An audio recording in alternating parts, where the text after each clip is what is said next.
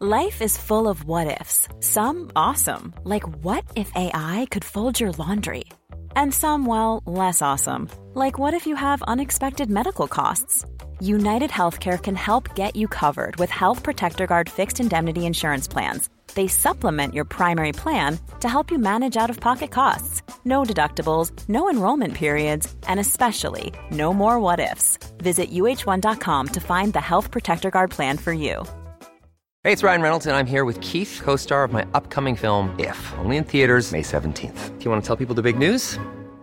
All right, I'll do it. Sign up now and you'll get unlimited for $15 a month in six months of Paramount Plus Essential Plan on us. Mintmobile.com slash switch. Upfront payment of $45 equivalent to $15 per month. Unlimited over 40 gigabytes per month. Face lower speeds. Videos at 480p. Active Mint customers by 531.24 get six months of Paramount Plus Essential Plan. Auto renews after six months. Offer ends May 31st, 2024. Separate Paramount Plus registration required. Terms and conditions apply if rated PG. Millions of people have lost weight with personalized plans from Noom. Like Evan, who can't stand salads and still lost 50 pounds. Salads generally for most people are the easy button, right? For me, that wasn't an option. I never really was a salad guy. That's just not who I am. But Noom worked for me. Get your personalized plan today at Noom.com. Real Noom user compensated to provide their story. In four weeks, the typical Noom user can expect to lose one to two pounds per week. Individual results may vary.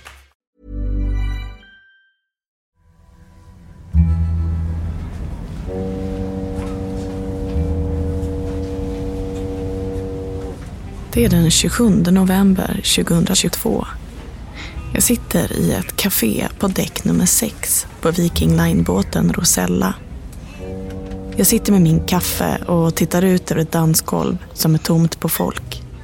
Inte konstigt i och för sig, det är trots allt mitt i veckan. Folk är här för att äta och handla.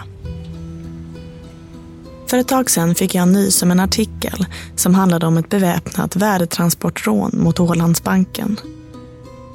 Jag är själv uppvuxen på en ö, mitt ute i havet, så jag fastnade lite extra för den här artikeln och kunde inte riktigt släppa den.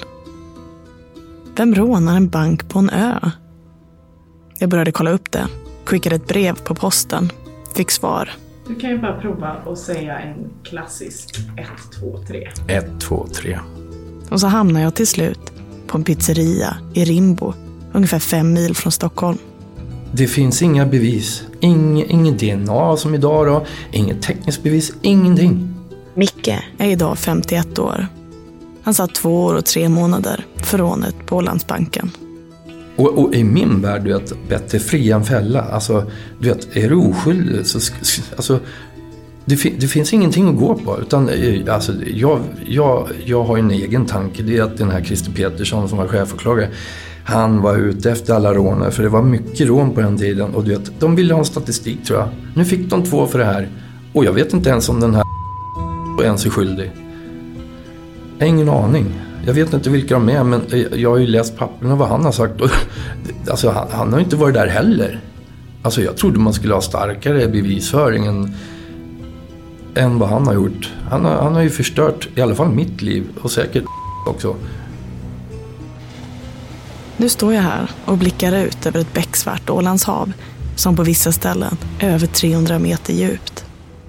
Långt borta blinkar ett rött ljus i allt det där svarta. Jag är på väg till Mariehamn för att försöka ta reda på vad som egentligen hände där en sensommardag för 16 år sedan.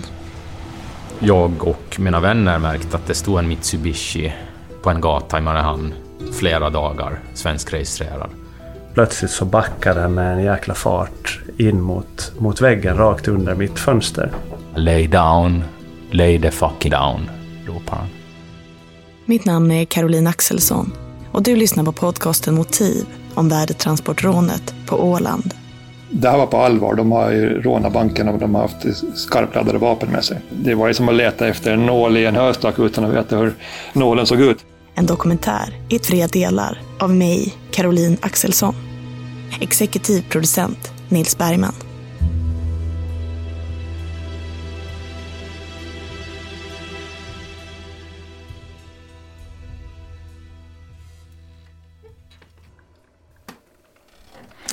Spelar vi in nu så jag ska försöka uttrycka mig eh, ja, mindre dialektiskt? Nej, definitivt tvärtom.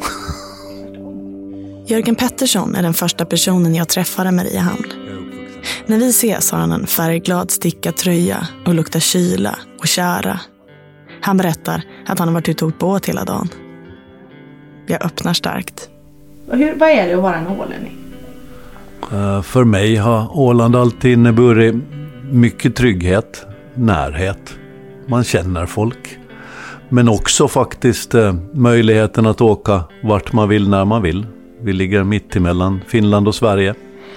Vi lyssnar på svenska nyheter. Vi följer svenskt samhällsdebatt. Vi gör det i högre grad än vad vi följer Finland. Eftersom vi har språket gemensamt med Sverige men inte med Finland. Någon har förklarat det som att vi är inte svenskar och vi är inte finnar utan vi är rätt och slätt ålänningar. Jörgen var under flera år aktiv inom Ålands landsting och jobbat över 20 år på Ålandstidningen där han har varit både redaktionschef och nyhetschef. Jag frågar honom, om man nu vill råna en bank, varför åker man hit? Varför kopplar man ihop Åland med kontanter? Åland är ett rikt samhälle. Åland har varit ett rikt samhälle tack vare passagerartrafiken. För den gjorde att väldigt stora rikedomar kunde skapas på Åland. Man körde ibland pallar med sedlar från fartygen till bankerna för vidare hantering. Eh, turisterna strömmade till och det gjorde att eh, det blev en väldig fart också på det landbaserade åländska näringslivet. Vilket i sin tur gjorde att företag som Ålandsbanken och många andra blomstrade. Åland är ett demilitariserat svenskspråkigt landskap som tillhör Finland. Bara några månader före min vistelse på ön har de firat 100 år av självstyre. Självstyrelsen har alltid varit någonting som är närvarande i den åländska vardagen. Vi har möjligheten att likt ett eget land till många delar forma våra egna lagar. Vi formar vår egen vardag. Vi kan säga hur skolorna ska fungera, hur trafiken ska fungera och mycket annat. Tryggheten var alltid närvarande men också eh, nyfikenheten på vad man kunde göra egentligen utgående från vår trygghet. Jag sitter och pratar med Jörgen i ungefär en timme. Sen promenerar jag i novembermörkret till mitt hotell. Det är obemannat, tyst och helt tomt på människor. Jag, jag menar det. det, det var inte en enda person här förutom jag.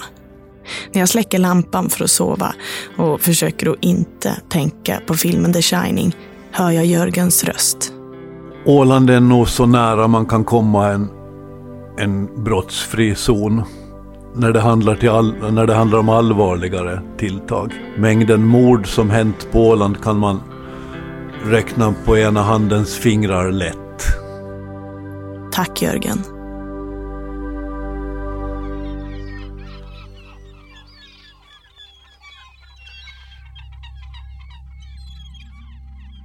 Det är sensommar 2006.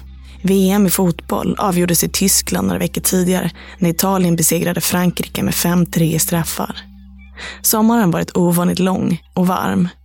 I Mariehamn flockas turister, båtar och uteserveringar fulla med människor och många av öns hotell och campingplatser är uppbokade.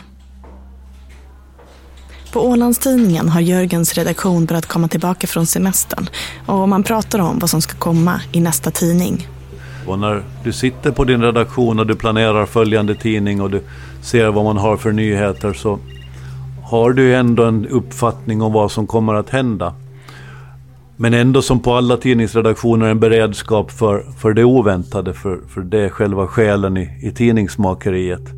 Det är torsdag den 10 augusti och klockan är halv två på eftermiddagen. Den här dagen så hände först det oväntade och sen hände det oväntade igen. Och det var ju inte alldeles lätt att hantera. I Ålandsbankens lokaler, som ligger mitt i stan, precis vid torget, sitter Oskar. Oskar jobbar som placeringschef på banken och har sitt kontor en trappa upp med fönster som vetter ut mot bankens parkering. Då var det ju så att, att den här parkeringen var helt öppen och det var en, mer eller mindre som en allmän parkeringsplats. Längs parkeringen löper en vägg med fönster, ungefär en halv meter höga. Men det var ju bara enkelglas och, och, och liksom helt vanliga rutor så du hade full insyn i vad som, som skedde inne i garaget. 200 meter från bankens garage står en bil parkerad. Den har stått där i flera dagar, bara några meter från polisstationen. Jag och mina vänner märkte att det stod en Mitsubishi Evo Lancer på en gata i Mariehamn flera dagar, svenskregistrerad. Så vi skämtar ju vänner emellan och frågar vems bil är det där? Vem är det som har importerat en sån häftig bil hit till Åland? Jag är uppvuxen på Åland. Detta är Dan Grönlund. Eh, och eh, har en utbildning inom hotell och restaurang och ehm, ansåg att det var för mycket jobb. Så att jag eh, sökte vidare och hittade eh, en budbilsfirma som sökte en, en eh, transportör då och tog anställning där. Eh, ägaren till den här budbilsfirman har även en säkerhetsfirma då, BGT Security. Men eh, jag började jobba på budbil, kör ut eh, varor med en liten skåpbil runt om på Åland. Då. Dan trivs med sitt jobb, men bestämmer sig ändå för att sticka ner till Spanien över vintern och jobba som bartender i en poolbar i Playa de Ingles. När han kommer hem ringer hans chef, som vi i den här dokumentären kommer kalla Anders, och säger att det finns en tjänst ledig på säkerhetsfirman och frågar om Dan har lust att börja jobba där istället. Jo, för fasen, det vill jag testa. Ja, ja, men då, då börjar du på måndag då. Så då kom jag in i säkerhetsbranschen och jobbade som väktare och trivdes som fisken i vattnet. Det var liksom top notch. För en av mina andra pojkdrömmar var att jag, jag ville bli, bli polis som liten pojk. Och det här var ju det närmaste man kom polisyrket egentligen. Dan börjar jobba som väktare nattetid och så kör han värdetransporter tillsammans med chefen. Ett roligt jobb. Dan tänker inte så mycket på risken med att köra värdetransport. Vi eh, har alltid varit förskonade på Åland. Det händer aldrig. Vart ska de ta vägen liksom? Ett rån på Åland är dömt att misslyckas. Liksom. Eh,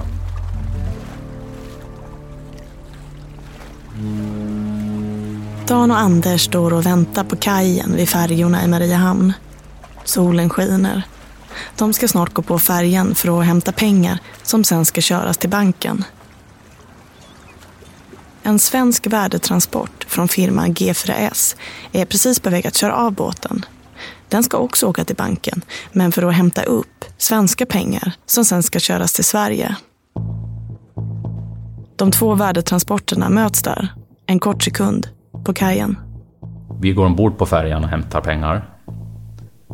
Vilket tar kanske 15 minuter. Så hoppar vi i bilen och kör till Mariehamn. Några år tidigare har chefen Anders köpt eh, dyra säkerhetsväskor med minerade färgpatroner. En investering som gjort att han är lite av en pionjär i värdetransportbranschen. I alla fall på Åland. Han har också gått utbildning i hur man ska agera om man blir utsatt för ett värdetransportrån. Anders vill inte medverka i dokumentären, men för mig har han beskrivit att eh, när han sitter där i bilen får han en känsla. Det är något han inte riktigt kan sätta fingret på. Något som är fel. Dan märker det också, där han sitter bredvid. Han satt och kollade i backspegeln märkte jag. Han kände någonting på sig. Jag, jag, jag visste ingenting. Men han satt och kollade så här. Han sa ingenting åt mig, för han ville säkert inte göra mig orolig. Man satt och kollade backspeglarna och märkte att nu fasen har vi en bil bakom oss som eh, följer efter oss rätt så länge. Och som värdetransportör så ska man aldrig köra på samma rutiner. Man kör aldrig samma sträcka. Det är alltid olika. Man tar den gatan nu och så... Vi skiter i om den här, den här rutten tar två minuter extra, men nu, nu kör vi en annan väg bara för att se, följer den efter oss fortfarande? Så han tog en annan väg just den dagen också. Eh, vi har tagit lite olika vägar. Det handlar om kanske två, tre olika, men nu tog han en fjärde väg. Då tänkte jag, men vad fasen. När Dan och Anders kommer fram till banken märker de att den svenska värdetransporten, G4S-bilen, inte är där. Detta kan tyckas oviktigt, men när det handlar om värdetransporter och miljoner i kontanter, ja, då är det något värt att reagera på. Det såg så ut att eh, när vi kommer till banken, vanligtvis, så möter vi den svenska eh, värdetransportören då, då kommer de ut ur banken. Då är de liksom klara. Då har de hämtat pengar. Men i det här fallet var det vi som körde in och det fanns ingen svensk värdetransportfirma. För de var på en, på en bränslemack och gjorde någonting annat. Eh, vilket jag tycker är väldigt märkligt. Vi kommer komma tillbaka till den svenska G4S-bilen lite senare. Dan och Anders kör över parkeringen och in i bankens garage. Där står två av bankens personal. Och eh, bankpersonalen är trevliga och glada som de alltid är. Tar emot oss och eh, vi lastar av vår värdetransport och eh, ska lasta i den nya. Och jag ser att det står en större Värdetransporten, en större låda helt enkelt, eh, som väntar på den andra säkerhetsfirman från Sverige då. Det står alltså en låda utan särskilda säkerhetsanordningar full med svenska pengar som ska till Sverige och som skulle hämtats upp av den svenska GFRS-transporten som alltså inte har dykt upp. I samma hus, en våning upp, sitter placeringschefen Oskar och tittar ut. Den här dagen då så, så kom det in en, en, en eh, eh grå kombi. Och man såg, det var något som gjorde att, att eh, den, den tog uppmärksamhet. Den, den stannade eh, mitt på parkeringen ungefär och så, så accelererade den fram lite och sen så plötsligt så backade den med en jäkla fart in mot, mot väggen rakt under mitt fönster. Det hoppar ut två personer i masker. De springer runt bilen och öppnar bakluckan. Så tar de fram en, en, en stor bag ur, ur eh, bagageluckan och, och, och eh, ur den så tar de ett eller två sådana rejäla maskingevär. Och då, då tänker jag ju förstås att, nej men vad fasen, det, det här är ju ett rån. Dan som befinner sig i garaget ska precis lasta av sina pengar. Det är glas som eh, går sönder, hör man. Och eh, i samma veva så hör man en mans röst som ropar på engelska Lay down, lay the fucking down, ropar han. Flera gånger. Och i de första nanosekunderna så tänker man att det här är ett skämt. Men sen förstår man ju att det, det kan ju omöjligtvis vara det. Uh, sen ser man mansfigurer klättra in genom fönstret. Maskerade. Uh, men de ropar lay down, lay down, lay the fuck down. Jag minns att den första som hoppar in har två stora mejslar i handen. Två män har krossat fönstren som leder in i garaget och är nu på väg in. Dan vet inte vad han ska göra och agerar instinktivt. En människa reagerar eh, antingen genom att frysa, man blir rädd och står stilla. Eller lägger benen på ryggen och flyr. Och jag valde det senare alternativet, så jag flyr från utrymmet. Och eh, en till i bankpersonalen gör samma sak. Så jag och en annan ur bankpersonalen som springer in i myntvalvet och stänger den stora tjocka dörren bakom oss.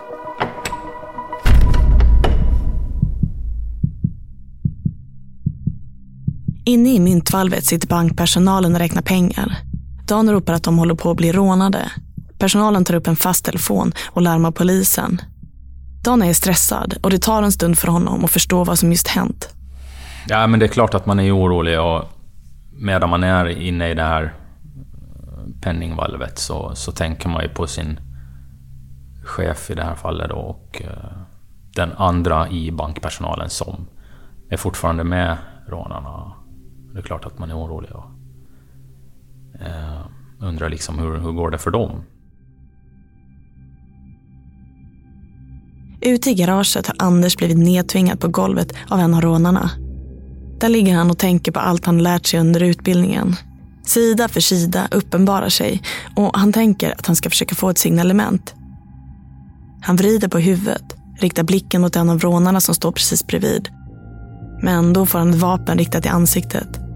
Och efter det tittar Anders inte upp igen. Samtidigt som rånarna packar pengar i väskor står Oskar och försöker få tag på polisen. Plötsligt ser han något i ögonvrån. En bil står i lågor, mitt i vägen.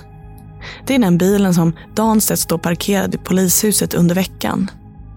En Mitsubishi Evolancer. Det flammar ju upp där också. Då, då, då förstår man ju förstås att, att nu är det här på riktigt. När Oskar tittar ner mot parkeringen igen så ser han en tredje man som står nere på trottoaren med ansiktet vänt upp mot Oskars fönster. Han hade bara solglasögon på sig. Han, han eh, hade ingen mask på sig. Så han har ingen mask, han har solglasögon han står Mm. och tittar Ja, rätt stirrar på oss där. Ja. Det är kaxigt. Det är kaxigt, ja. ja. Det kommer jag ihåg att jag hade lite så här eh, eh, obehag av efteråt. Och sen plötsligt så, eller ganska snabbt då, så, så kom de ju ut med, med stora hockeyväskor fulla med, med någonting då. In i, i, i bilen och, och, och fort iväg. Eh, och då höll de ju på att bli instängda på, på, inne på parkeringen. Så det hade ju kunnat sluta där.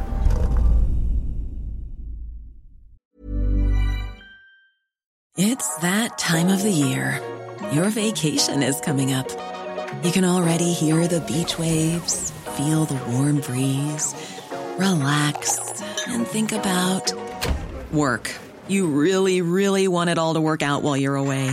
Monday.com gives you and the team that peace of mind. When all work is on one platform and everyone's in sync, things just flow wherever you are. Tap the banner to go to Monday.com.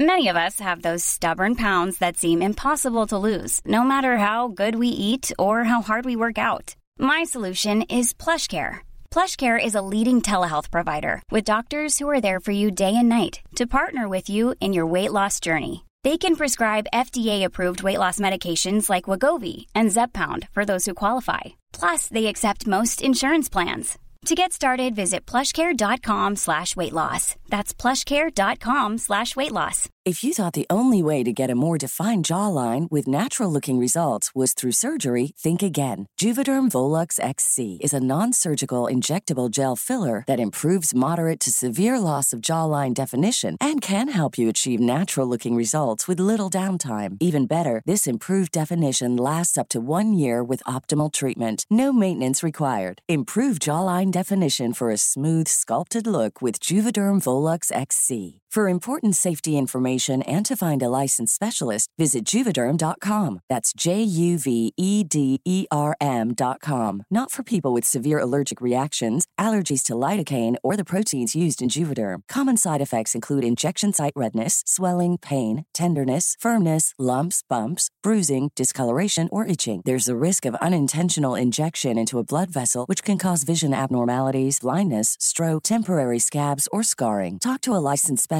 to find out if it's right for you. Bilen som rånarna tänt eld på gör att en jättelång bilkö bildas och korkar igen all trafik ut från bankens parkering. Men på något sätt så, så kunde de trycka sig igenom mellan två bilar. Så kunde de snedda över åt andra hållet och sen försvann de då. På det sättet. Dan som befinner sig i myntvalvet får ett samtal. Allt är över och rånarna är borta. Så vi öppnar och går ut. Eh, det ligger glassplitter på golvet och en ganska stor svart sån här hockeybag. Min chef säger åt mig vi måste fortsätta jobba. Vi måste ju till färjan, vi håller på att missa den. Så med hans order packar vi bilen med värdetransporten vi skulle köra och lägger iväg och kör och kommer kanske ett par kilometer från Mariehamn när vi mottar ett samtal från polisen att vi måste återvända till banken. Eh, vi kan inte jobba mera den dagen. Ett beväpnat värdetransportrån har begåtts mitt på ljusa dagen och 200 meter från polishuset. Rånbytet, 15 miljoner svenska kronor. Finlands första värdetransportrån. Nu är det bråttom för Ålandspolisen att få tag på rånarna innan de lämnar ön. Jag, jag låg på stranden med mina barn faktiskt och, och jag var ledig. Och, och, min chef, dåvarande chef Göran, ringde mig och, och, jag hörde på honom att han var, att han var stressad. Banken hade blivit rånad. Eh, han var väl också lite, han var väl lite, lite upp i varv så, så han fick förklara ett par gånger för mig så, så innan, innan, innan jag förstod vad som hände. hänt. Då det bara för mig att packa ihop barnen och eh, ringa svärmor så hon fick ta hand om ungarna och hoppa i bilen och köra in på jobb. Sebastian Sjölund jobbar som kriminaltekniker för Ålandspolisen. Vanligtvis är de tre i tjänst, men kollegan har semester så det blir Sebastian som ensam får rycka in. När det händer lite större saker på Åland, då vill man ju vara med och jobba för, för vi, vi är inte så många. Så vi åkte dit. Det var varmt ute, kommer jag ihåg. Vi kom hit med t-skjortor. vi möttes av, av eh, två poliser med eh, tunga såna, skyddsvästar på sig och hjälmar. Så vakta avspärrningarna. Sebastian och Göran får ganska snabbt reda på att videoövervakningen i garaget har varit i funktion sedan mitten på juli på grund av ett tidigare åskoväder. Nu handlar det om att skapa sig en översikt om vad som hänt och de påbörjar en noggrann inbrottsundersökning. Grunden är ju alltid att leta fingeravtryck, skoavtryck, DNA för att hitta någon form av gärningsperson som har, som har varit där och utfört den här gärningen. De börjar på utsidan och samlar in fimpar, godispapper och små glasbitar där det eventuellt kan finnas skoavtryck. Samtidigt som de metodiskt rör sig in i garaget. Det första de ser är tre parkerade bilar, några gamla lådor och precis under det krossade fönstret två stora skruvmejslar. Det är inte jättelångt däremellan, men det tar ju en stund för att ta sig fram för, för att säkra golvet. Så, så, så vi kom till fönstret där eh, de har tagit sig in. Göran fortsätter i en annan riktning. Sebastian går fram till fönstret och sätter sig på huk. Under fönstret låg det lite lådor och diverse grejer. Eh, och det låg också, låg också ett innebandy klubbfodral. Blått Unihoc. Mörkblått Unihoc klubbfodral. Jag reagerade inte desto mer på det. Jag tänkte att ja, det är säkert någon personal som lämnade, de har varit på innebandyträning och lämnade kvar där. Och så, när så, så, tänkte jag. Jag vet inte varför jag gjorde det, men jag gjorde så. Liksom. För jag tänkte, jag lyfte, lyfte upp det här klubbfodralet och skulle visa åt Göran, jag skulle skämta, jag vet vilka det är, det är innebandyligan. Innebandyligan var en grupp individer som i början av 2000-talet dömdes för stämpling till grovt rån. Namnet uppkom då, ja, det säger väl sig självt egentligen. Innebandyligan bestod av innebandyspelare. Och, och då samtidigt så kände jag någonting i fodralet och klock så föll det ut på golvet ett magasin i ett automatvabel. Då, då förstår jag. Det här var på allvar. De har ju rånat banken och de har haft skarpladdade vapen med sig. Medan Sebastian och Göran samlar ihop allt bevismaterial, inklusive skruvmejslarna och innebandyfodralet, anländer centralkriminalpolisen från Finland för att assistera i utredningen. Och chefen för Ålandsbanken, Peter Grönlund, hörs på radion när han pratar om det som hänt. Har du varit med om någonting liknande förut? Framförallt här på Åland har det väl inte inträffat? Eh, inte i den här omfattningen och inte i den här skalan har jag inte upplevt det någonsin. Och det tror jag aldrig inträffat på Åland heller inte. Utan det... Tror du att vi har fått hit tung brottslighet i och med det? Det verkar ju som samhället blir... Vi får in narkotika och allt möjligt annat. Våldet ökar och så vidare. Ja, i och med det här så kan man väl säga att vi har fått in det redan då, eftersom detta rån har skett. Under första halvan av 2000-talet begås ett stort antal spektakulära värdetransportrån, men inte i Finland, utan i Sverige. Helikopterrånet i Västberga, rånet på Arlanda flygplats 2002 och Landvetter flygplats 2006. Rånet i Hallunda och Akalla 2005. Och nu är det uppenbart att brottsvågen också nått grannarna i öst. Har ni stängt kontoret eller hur blir det? Eh, vi har stängt kontoret för att kunna informera personal och eh, det är många som ändå upplever det som ganska skakande. Så att, eh, därför har vi bestämt att vi håller stängt idag nu då resten av dagen. Man skulle nästan tro att det är en omöjlighet på en ö som Åland att göra så här grova brott. Det måste ju vara väldigt svårt att komma härifrån. Ja, det får man väl se då hur de om de tar sig härifrån eller inte. Men att det är ju en, en det där, det är en, en jag tycker att det är en mycket upprörande händelse.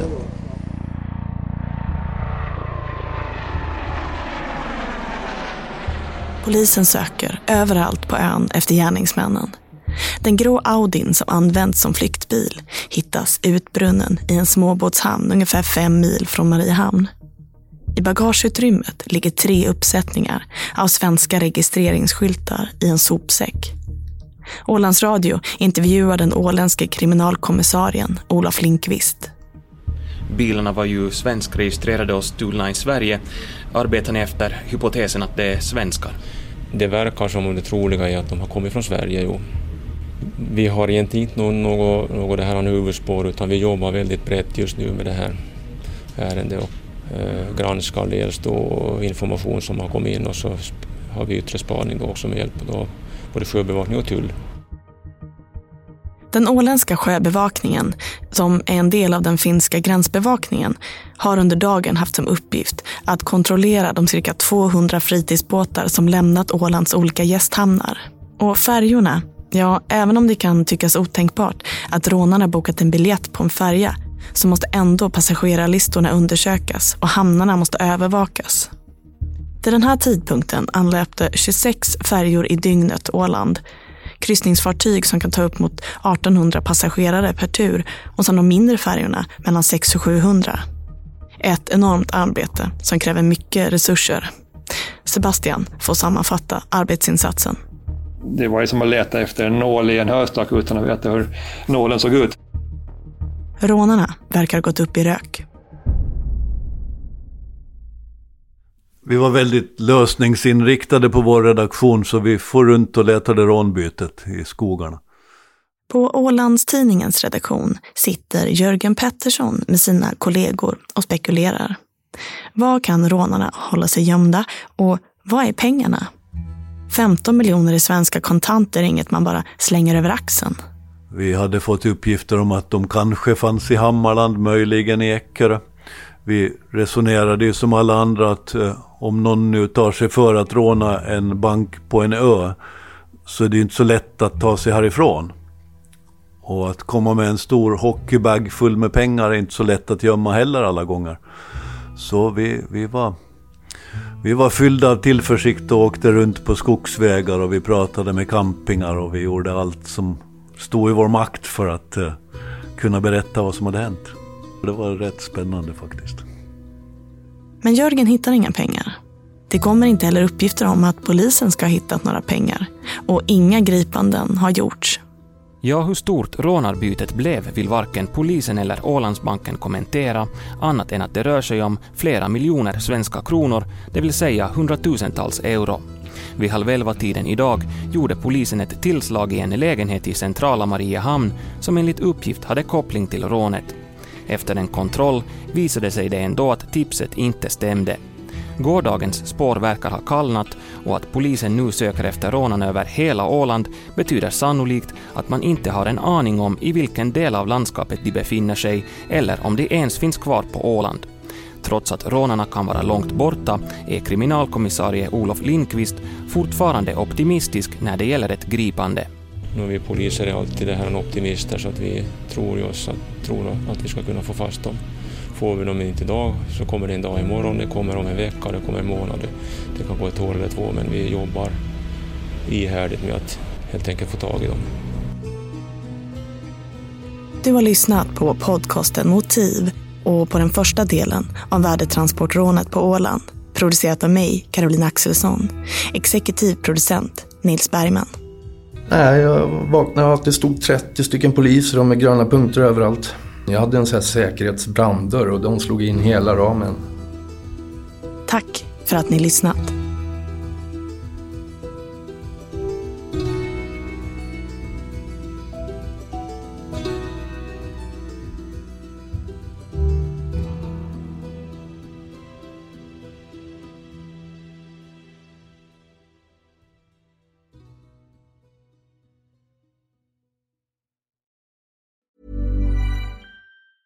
Planning for your next trip? Elevate your travel style with Quince. Quince has all the jet setting essentials you'll want for your next getaway, like European linen, premium luggage options, buttery soft Italian leather bags, and so much more. And is all priced at 50 to 80% less than similar brands. Plus, Quince only works with factories that use safe and ethical manufacturing practices.